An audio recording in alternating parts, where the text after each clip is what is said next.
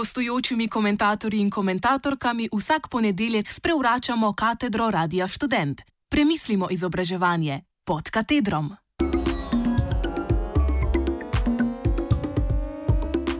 Dogovor mobilnih učiteljev.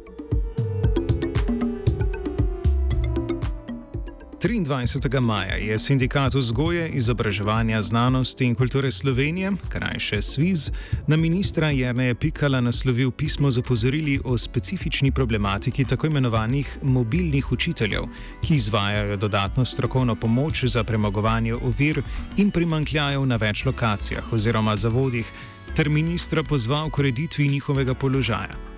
Sindikat je ministra seznanil z aprila letos sprejeto odločitvijo mobilnih učiteljev, da so pripravljeni izpeljati stavko, če se njihov položaj ne bo končno uredil oziroma začel urejati.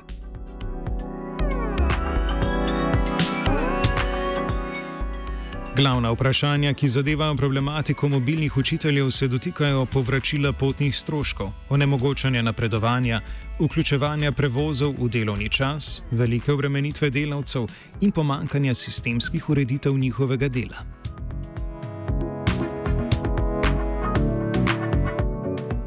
Zato je med 27. augustom in 6. septembrom potekalo opredeljevanje zaposlenih, ki so hkrati člani SWIZ-a, do izvedbe opozorilne stavke. 10. septembra pa je komisija na sedežu sindikata pregledala prispele glasove in ugotovila, da je opozorilno stavko podprlo 97,5 odstotka vseh, ki so se udeležili glasovanja. V svojih zahtevah so povdarili sledeče.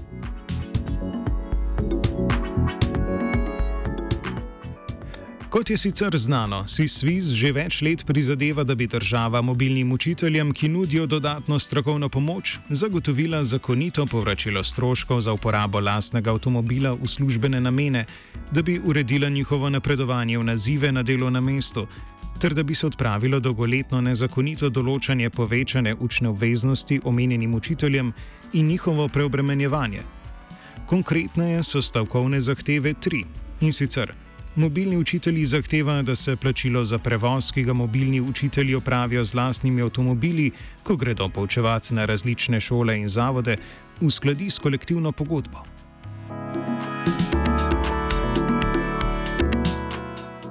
Ministrstvo namreč mobilnim učiteljem ne zagotavlja službenih avtomobilov, zato so ti primorani za namen dela uporabljati lastni prevoz, Pri tem pa dobijo povrnjene stroške v višini, kot bi se z osebnim avtomobilom vozili na delo ali z dela.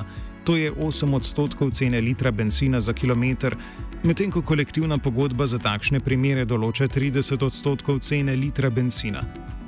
Druga zahteva se nanaša na napredovanje v nazive, ki naj bi se za mobilne učitelje ustrezno uredilo v zakonu. Trenutno namreč njihovo napredovanje zakonsko ni posebej urejeno, zato je zelo oteženo. Tretja zahteva pa je, naj ministrstvo sprejme ustrezne ukrepe, ki bi zagotovili povečanje števila mobilnih učiteljev. Teh namreč trenutno primankuje. Posledično pa ima večina med njimi povečan obseg dela, lahko tudi do 27 pedagoških ur na teden. Za slednje po oceni SWIS ne obstaja ustrezna zakonska podlaga.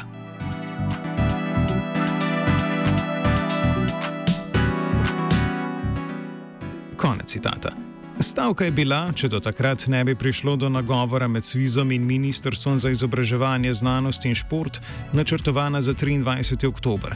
Vendar naj bi sedaj prišlo do omenjenega medsebojnega dogovora, s katerim bo Sviz odložil stavko. Kot so obrazložili.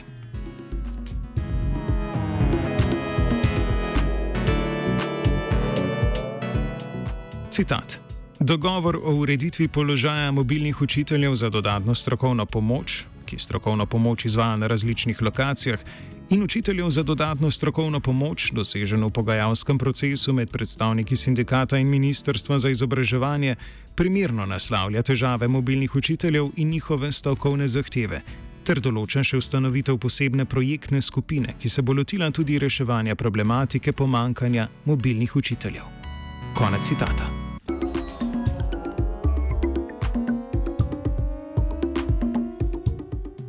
Bo torej dogovor zadnja beseda sindikata SWIS na tem področju? Verjetno bo bolj pomembno, kdo vse bo, ko se bo ta tudi formalno ustanovila, sedel v tej tako imenovani projektni skupini.